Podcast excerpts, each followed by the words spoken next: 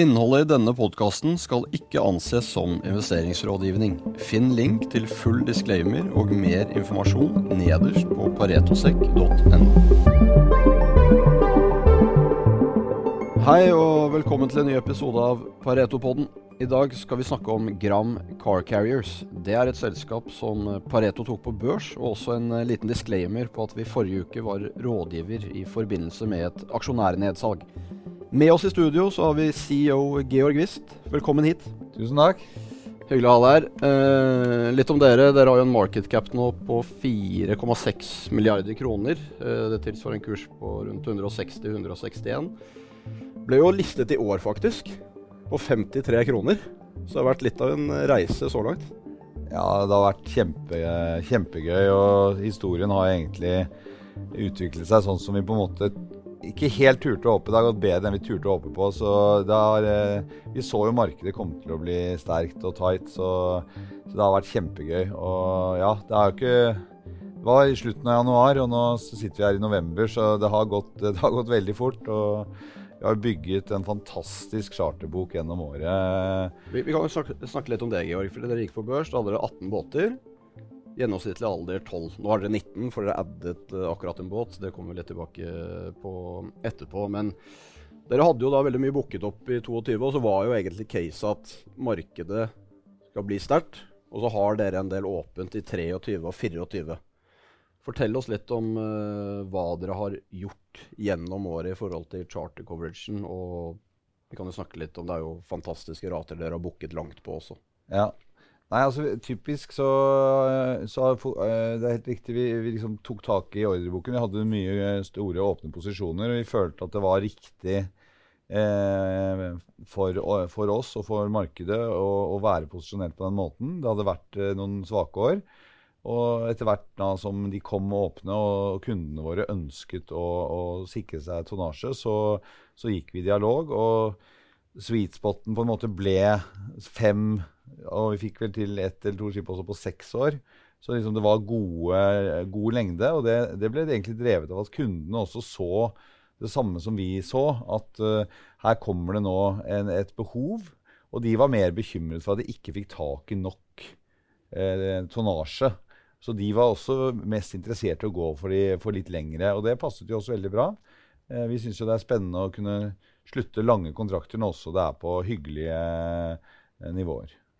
Så da har vi liksom bygget sten for sten gjennom hele året og sluppet veldig mye nyheter. Og det har jo, har jo markedet tydeligvis likt. Så har jo sendt kursen eh, oppover eh, basically fra dag én. For det har jo blitt sluttet Altså de kontraktene dere har gjort, er jo en EBITDA-inntjening på båten som har vært høyere enn en det mange har ligget med som verdsettelse av båten. Så da skjønner man jo at det er, det er hyggelige nivåer. Vi kan jo bare ta det kjapt, det er sikkert en del av lytterne som vet det. Men dere er jo en ren båteier, for ja. dette markedet er jo litt spesielt. Eh, bilfraktmarkedet. Og vi har jo nå tre noterte rederier i Oslo, faktisk. Men dere er jo forskjellige fra Valenius Wilhelmsen, f.eks. Absolutt. Nei, du, kan, du, kan, si, du har jo på en måte, Hvis du tar markedet sånn veldig enkelt, så har du bilprodusentene. Eh, de gjør volumkontrakter med operatørene. Eh, og Da syr de sammen logistikkløsninger og syr sammen flere kontrakter. Men typisk så eier ikke de alle båtene sine selv. Typisk uh, Valens Williamsen eier nesten alt selv. De, de uh, innbefrakter bare rundt 10% av deres behov fra sånne som oss. Men så har du Glovis, store koreanske på den andre siden. De driver 90 skip og charter typisk inn to tredjedeler, altså 60 skip, eier kun 30 selv. Og så har du liksom alle de andre operatørene basically mellom der, da. Så er, vi lever i en god symbiose med operatørene. Og vi har jo holdt på med dette i, i 40 år, så, de, så, det operatørene vet, er at vi har et godt kvalitetsprodukt. sånn at vi leverer jo egentlig på deres vegne til Toyota, Folkevogn og alle disse her. Og da er det jo viktig at de på en måte kan stole på oss som en kvalitetsleverandør. Og det er noe vi har bygget opp over tid, og som uh, eh, som fungerer bra. og Derfor får vi repeat business. Det er, eh, det er en veldig konservativ bransje. Det er klart Bilen skal se ny ut, og den skal lukte ny når den kommer frem. Akkurat det er jo litt, uh, det er litt interessant, for det er sikkert ikke så lett for alle å forstå. De leser i avisen hver dag at, uh, at det er resesjon, eller vi er i resesjon, eller er på vei inn i resesjon. Hvem skal kjøpe biler og sånn da. Men Det man vel har sett Da Tesla kom i Q3-tall nå, så falt vel market capen 75 milliarder dollar på at de ikke klarte og Det nevnte de jo spesifikt, at grunnen til det var at de ikke klarte å rett og slett levere biler. Mm. Det er jo der dere kommer inn. Absolutt. Altså, det, det, er jo en stund siden nå, men Elon Musk hadde jo, han var ute og sa han hadde liksom to concerns. Det var chips and chips. Eh, og, og, det tror jeg det er flere av de andre bilprodusentene også som ser nå. Liksom, nå løser vi denne halvlederkrisen i verden, og liksom, produksjonen er, i, er, på vei tilbake. Eh, men hva, hva, er neste liksom, som kan gå, gå? Og Derfor er det nå Folk er, eh, vil ha tak i tonnasje og sikre seg at når nå produktene endelig er klare, at det kommer ut til kundene så fort som mulig. For det er jo Det er klart det er veldig gode rater for dere, men når du ser på det kosten per bil, så er det forsvinnende liten eh, del. Hva er det, 6-7 dollar? Eh, nei, nei altså hvis, du tar, hvis, du tar, en gjennomsnittsbil, da, en gjennomsnittsbil koster 50 000 dollar. Eh, og, og fraktelementet da, fra Asia til Europa, eller Asia til USA, er, eh, har stort sett ligget på 500-600 dollar per bil. Eh, men, men, det er klart, de, de, de ratebildene man ser nå, så, så, er det fort 1000 dollar per bil. Men det er klart, det betyr jo veldig lite i forhold til det å ikke ha bilen på kaien. Exactly, Du har kjørt markedsføringskampanjer, du har showrommene, kundene. Alt er liksom gira opp for dette her. Og da er det viktig at du er der når den nye modellen kommer ut, og VIP-kundene dine får først osv. Så, videre. så da er det jo viktig for bilprodusenten egentlig å få kontroll på andre, altså logisti andre logistikkting og kostnader av råmaterialer og maling og alle disse tingene her. For det er én ting, og man kan jo gå inn på, på nett og se på videoer når bilene går på og bilene går av. Det er en ganske heftig operasjon. Eh, så litt tilbake til det du sa i sted, at det er ikke, det er ikke bare å, å, sette opp det her eh, for seg selv. Uh, den ene tingen er jo nybilsmarkedet, men det er klart det er jo en uh, Alle de gamle bilene fra Europa de forsvinner jo ikke. De går jo stort sett vel til Afrika og en del andre steder. Ja, altså, er også en viktig del av, av traden? Ja, altså sånn, veld, sånn, veldig grovt sett så kan du si at uh, ca. 80% av volumet som fraktes, er nybil. Og så er ca. 10% bruktbil, og så ca. 10% high and heavy. Det er et normalisert marked.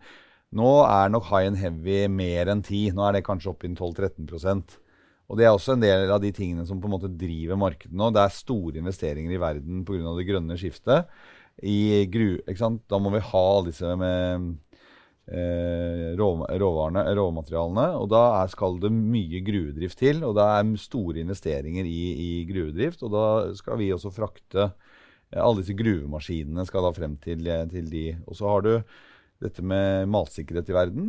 Store investeringer nå i landbruksmaskiner. Og det ser man jo at disse landbruksmaskinprodusentene det har, har jo også gått veldig bra på børs. Så der er det også store volumer. Eh, og så er det da også vanlige anleggsmaskiner som, eh, som, trekker. Så akkurat nå så er det det. Og så er det det nye som er måte som driver mye tonnmil, det er Kina. Kina eksporterer nå eh, Har gått forbi Korea eh, og er verdens nest største eksportør av, eh, av biler. Og det er klart det blir det lange, fine distanser som binder mye tonnasje. Jeg sa innledningsvis her at uh, dere gikk på børs med 18 båter, uh, og det stemmer jo. Og nå er det 19, for dere addet jo Paglia, uh, som dere kjøpte her for et par ble vel meldt helt til slutten av oktober, for 49 millioner dollar. Og den er jo på timecharter helt til mai 28. Ja. Hva var, hva var Fortell oss litt om den transaksjonen. Nei, altså vi, vi, har jo vi, har, vi ser jo på, på, på, muligheter hele tiden. Men det er klart det er det som har vært viktig for oss, og, og vi er veldig disiplinert rundt det, er at det er nødt til å være innvandrende for eksisterende aksjonærer. Så må, det må øke på en måte utbyttekapasiteten. Så det, så det, det på en måte setter noen, noen uh, grenser for hvor mye vi kan betale. Så, så vi uh, gikk i forhandlinger da med, med Leit, som også er vår hovedaksjonær, og sa at vi kan vi kan betale så mye. Da fungerer det for oss. Eh, og så ble vi enige om pris. og det, eh, Så betaler vi da 80% i kontanter, som vi låner i banken. Og så trykket vi 20 aksjer eh, til, til hovedaksjonæren. Og, og, den ble jo godt mottatt, og det var ikke så rart, for det var, det var en god transaksjon. Og den var innvandrende for eksisterende aksjonærer. Så Det er typisk den deal, type deal vi ser på. Vi har sett på mange dealer som vi stort sett har latt gå, fordi de er ikke innvandrende, og da skal vi ikke gjøre det. Vi, vi vil ikke uh, utsette utbyttekapasitet uh, til fordel for vekst. Det må være innvandrende vekst.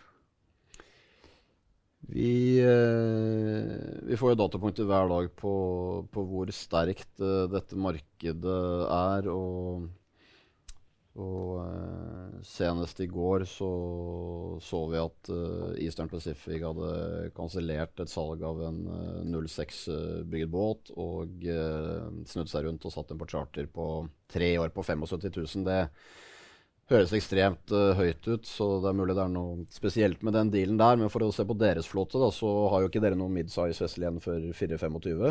Men dere har jo en del distribusjonsskip, altså den minste klassen.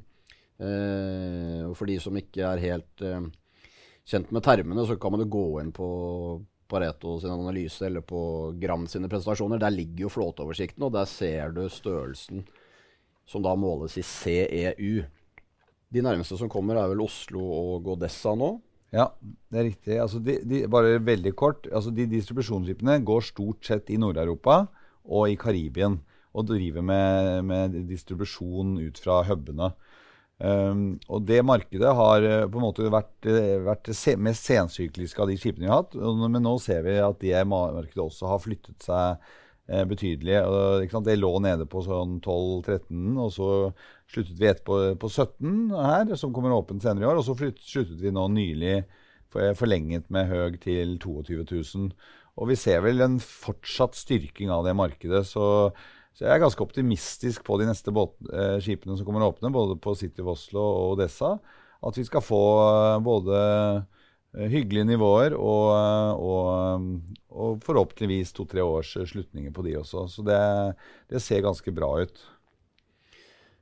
Hvordan, hvordan, tenker dere i forhold til det? Vi så jo på, på Bravery, som er den siste Panamaxen dere sluttet der nå, så har man jo en du har jo en eh, rate over perioden, men den var jo liksom front-end loaded. Ja. Hvordan er det? Fortell lytterne litt om den uh, dynamikken, hvorfor dere gjør det sånn. Ja, det er, det er, jo egentlig to dynamikker rundt det. Det ene er jo bare ren risk management. Det, et, eh, det, er, det, er, det å få liksom mer penger de første årene og mindre over tid. Da, da på en måte eh, ja, tar du jo hoveddelen av inntektene med en gang. Så det, det syns vi er fornuftig. og kundene syns De faktisk liker det ganske godt, de òg, fordi um, akkurat nå er det veldig sterkt. De også er liksom Hvor lenge, lenge varer den sykelen? Så de også ser at akkurat nå kan vi betale gode rater, og da, da er det en struktur som også passer ganske godt for de. Så da, er derfor da ender vi opp med den type strukturer. Det er jo Det er vel også et bevis på den posisjonen dere har akkurat nå. Eh, det at man kan det er jo favorable for dere, tenker jeg. da. Eh, og det er klart, er markedet dårlig, så må man bare ta til takke med, med, det som er. Men nå kan jo dere, gitt den posisjonen dere har, og at dere har uh, stål som er i demand, så kan man jo ja, så er det enklere å få gode dealer for seg selv. Sånn er det jo. Ja, ja det, er, det er underskudd på tonnasje. Og som vi sier når vi presenterer, det, det ser ut som det kommer til å vare et par år, den underbalansen. Og det er klart at da er det da er det på en måte vår, vår tur, da, eh, hvor vi kan på en måte sette litt agenda. Og så har man sett tidligere år, når, når det er overskudd av tonnasje, da blir det litt den andre veien. Så dette er jo klassisk supply demand som på en måte alle shippingsegmenter eh, eh, det, det, er sånn all shippingdynamikk egentlig fungerer. Så derfor blir det jo et syklisk marked. Neste Panamax som kommer opp, det er eh, Queen. Eh, det er jo den siste av de fire dere har. Den er på kontrakt med, med Glovis akkurat nå. Eh, nå går vel den kontrakten ut et stykke i 23. Blir det å slutte langt uh, på den nå, tenker du? Eller kan man komme inn i et scenario neste år hvor det korte markedet rett og slett er så sterkt, og så ser det også bra ut langsiktig, slik at man kanskje kan vurdere å slutte kort før man mm. Et år, da, før man går lang, lenger igjen ja, det er den avveiningen vi gjør hele tiden. Eh, vi syns at forskjellen mellom ettårsmarkedet og femårsmarkedet har vært for liten. Ja. og Derfor har vi valgt å gå fem år. Men det er klart hvis det stikker av sånn som på en måte den slutningen som jeg rapporterte i går, så er det jo klart eh, Så vil vi nok eh, vurdere sterkt å, å gå kort. Men, eh, men, det får vi se. Det, det, skipet kommer ikke åpent før mot slutten av neste år. Så vi, så vi, ta, vi, vi, har ikke noe rush. Det er litt tidlig å slutte henne nå, så jeg tenker at hun Det blir en, en første halvår neste år-øvelse. Eh, og så, går, uh, så da vil vi naturlig ta fatt i de som har henne i dag først, og så ha en dialog der. Og så ser vi om vi blir enige, eller om det er andre aktører som, er som trenger tonnasje, og, og som er villige til å betale mer. Ja. Nei, det er jo som du sier, det blir jo bare en avveining over hva som er best for, for dere og deres aksjonærer. Absolutt. Egentlig. absolutt. Georg, vi har jo vært litt inne på markedet her, men vi kan jo snakke litt mer om markedsutsiktene. For det som er fint når du driver med stål, det er jo at uh, du har ganske god kontroll på tilbudssiden.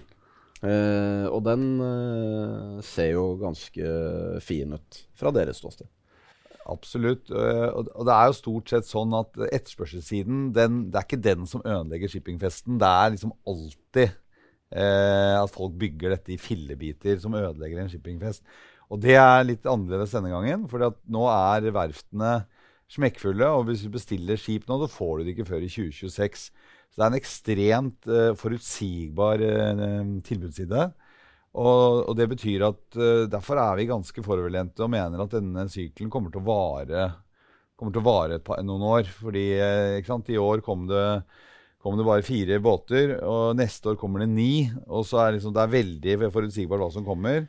Og, og, det er klart med den underliggende veksten som er der, og, og noe, en viss utfasing, for ikke snakke om de nye miljøkravene som kommer med CII og EEXI. Eh, vi har jo regnet på dette sammen med Veritas, og, og det ser ut til å ha en effekt på ca. 5% av flåtereduksjon. Det, det, det, at man må gå ned på fart osv. Så, videre. så så, så, Det underliggende markedet ser bra ut. Og så er denne gangen så er det annerledes. Vi har en, en veldig forutsigbar og hyggelig tilbud, eller um, verftsside. Så, så, det ser ut som festen skal vare en liten stund. Så det, det er litt annerledes denne gangen. Jeg kan nevne for lytterne våre at uh, i forhold til disse miljøkravene og EXI, så har jo våre analytikere skrevet en rapport på akkurat det som dere finner på våre hjemmesider, hvis det er eh, litt uh, ukjent uh, for noen. Men det er jo som du sier, Georg. det er uh, Så lenge vi, vi, treffer på etterspørselssiden her, så trenger vi ikke å bekymre oss for tilbudssiden. Det er det som er deilig. Ja, det er, det er akkurat det. Så, så det, er litt, det er litt moro nå. Og så er det dette med Kina er, er, bare utrolig spennende. og er, Man vet, man tenker ikke så mye på men det er verdens største bilprodusent. De produserer 25 millioner biler i året av verdens eh, totalsalg på sånn opp mot 90. Så det er bare en kjempedrivkraft. og du, Hvis du hører på hva Elon Musk sier fra Tesla, så sant, Fabrikken hans i Shanghai han er bare kjempefornøyd. ikke sant? Og eh, Alt vi kjører av Tesla Model 3 og Model Y her i Europa, alt sammen er skipet inn fra, fra Kina. Så, og ikke sant, andre kjente merker. BMW, I, eh, iX3, eh, Volvo, eh, Recharge 40.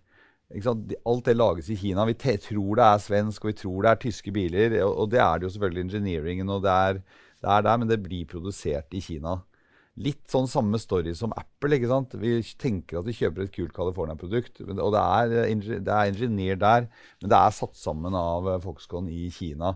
Og sånn tror jeg Det er derfor du ikke får eh, iPhone din til jul. Ja, ikke sant? Fordi Foxconn uh, har ikke folk på fabrikken. Nei. Det er vel 80% av produktene som lages der borte. Men uh, nei, det, det, ser utrolig sterkt ut. Dere skal jo opp på hovedlisten nå. Ja. Det blir spennende. Uh, det kan jo um, det er i hvert fall ikke negativt, uh, sånn sett. Dere har jo en uh, ekstremt fin story her. Vært uh, flinke, levert på det dere har sagt på. For det, selv om dere tok inn et skip nå, så vi snakket jo litt om det, det, det må jo være innvandrende for aksjonærene. For dette er jo i prinsippet et, et utbyttecase. Ja. Lagt opp sånn slik det er nå. Og dere deler jo ut dere deler jo ut dividender hele tiden til, til aksjonæren deres. og og handler jo på en uh, meget hyggelig yield, selv om uh, renten har kommet litt opp for, uh, for, de som, for, de som, eier aksjen. Absolutt. Nei, altså vi, vi, vi, er, vi, har lovet at vi skal betale minst 50% av overskuddet vårt hvert kvartal. Og det begynte vi med en gang etter første kvartal, så dette har vi liksom levert på nå eh, Ja, neste uke blir det for tredje gang eh, at vi leverer, sender tilbake halvparten av overskuddet til aksjonærene i form av, av utbytter. Og, og, det kommer vi til å fortsette med. Og med den kontraktsdekningen vi nå har, så klarer jo alle analytikerne å regne seg frem, og det er ikke så vanskelig å regne på. Så du vil jo se da at utbyttegraden, eller Eh, det nominelle utbyttet vil, vil, fortsette å stige i tiden fremover. Ja, for det er jo litt i forhold til, Vi, vi snakket jo litt om det i starten, men dere hadde jo mye bukter for 22. og da snakker Vi altså vi snakker jo dratenivå ratenivå her. Hvis man går inn på, i, i rapporten eller analysen i Pareto og ser hvordan rateutviklingen har vært, så skjønner man jo at når disse båtene kommer på nye kontrakter, så er det på et inntjeningsnivå som er ikke litt annerledes. Nei, det er jo det er fullstendig annerledes. Altså Hvis du tar F.eks. Eh, de, de Panamaxene har sluttet, én eh, på 60 og to på basically 65 000, så kommer jo de opp fra gamle kontrakter på 18 Så det er klart at uh, det er liksom tregangeren eh, Ansom fra hvor vi liksom var på forrige kontrakt. Så det er klart at eh, når de begynner å seile under de kontraktene, så, så kommer det jo veldig hyggelig kontantstrøm, som igjen kommer aksjonærene til gode i de kvartalsmessige utbyttene. Det er det som er uh, imponerende med lengden på kontrakten. Og det er ikke bare nivået, men det er jo Vi snakker femårskontrakter, tre til fem. Ja, ja, så, det, så, så dette, vil jo, dette, vil jo, fortsette. Så det blir jo mange hyggelige år fremover med, med sjekker fra oss hvert uh, eneste kvartal. Nå tror jeg vi har vært igjennom uh, det meste, Georg. Det er en utrolig spennende story dere har å fortelle. GCC.no er uh, tikkeren, og vil du ha mer informasjon, så er det jo bare å gå inn på Gram sine hjemmesider og lese prestasjonene, eller på Pareto sine analysesider, der du finner alt fra initiation of uh, coverage til, uh, til uh, analyseoppdateringer som vi sender ut jevnlig. Og det har jo vært en del i år, gitt hvor mange nyheter det har kommet. Georg, vi gleder oss til å følge dere på veien videre. Tusen takk for at du tok deg tiden for å komme her og fortelle lytteren vår om Gram sin historie. Tusen takk for at jeg fikk lov å komme. Og følg oss gjerne på LinkedIn. Vi oppdaterer også våre aksjonærer der. Eller på gramcar.com. Der legger vi ut løpende informasjon. Herlig. Vi ses uh, igjen om ikke så lenge. Takk skal du ha. Vi minner om at denne podkasten ikke inneholder investerings- eller annen type rådgivning. Handel i verdipapirer medfører til enhver tid risiko, og historisk avkastning er ingen garanti for fremtidig avkastning. Pareto Securities er verken rettslig eller økonomisk ansvarlig for direkte eller indirekte tap, eller andre kostnader som måtte påløpe ved bruk av informasjon omtalt i denne podkasten. Finn link til full disclaimer og mer informasjon nederst på paretosek.no.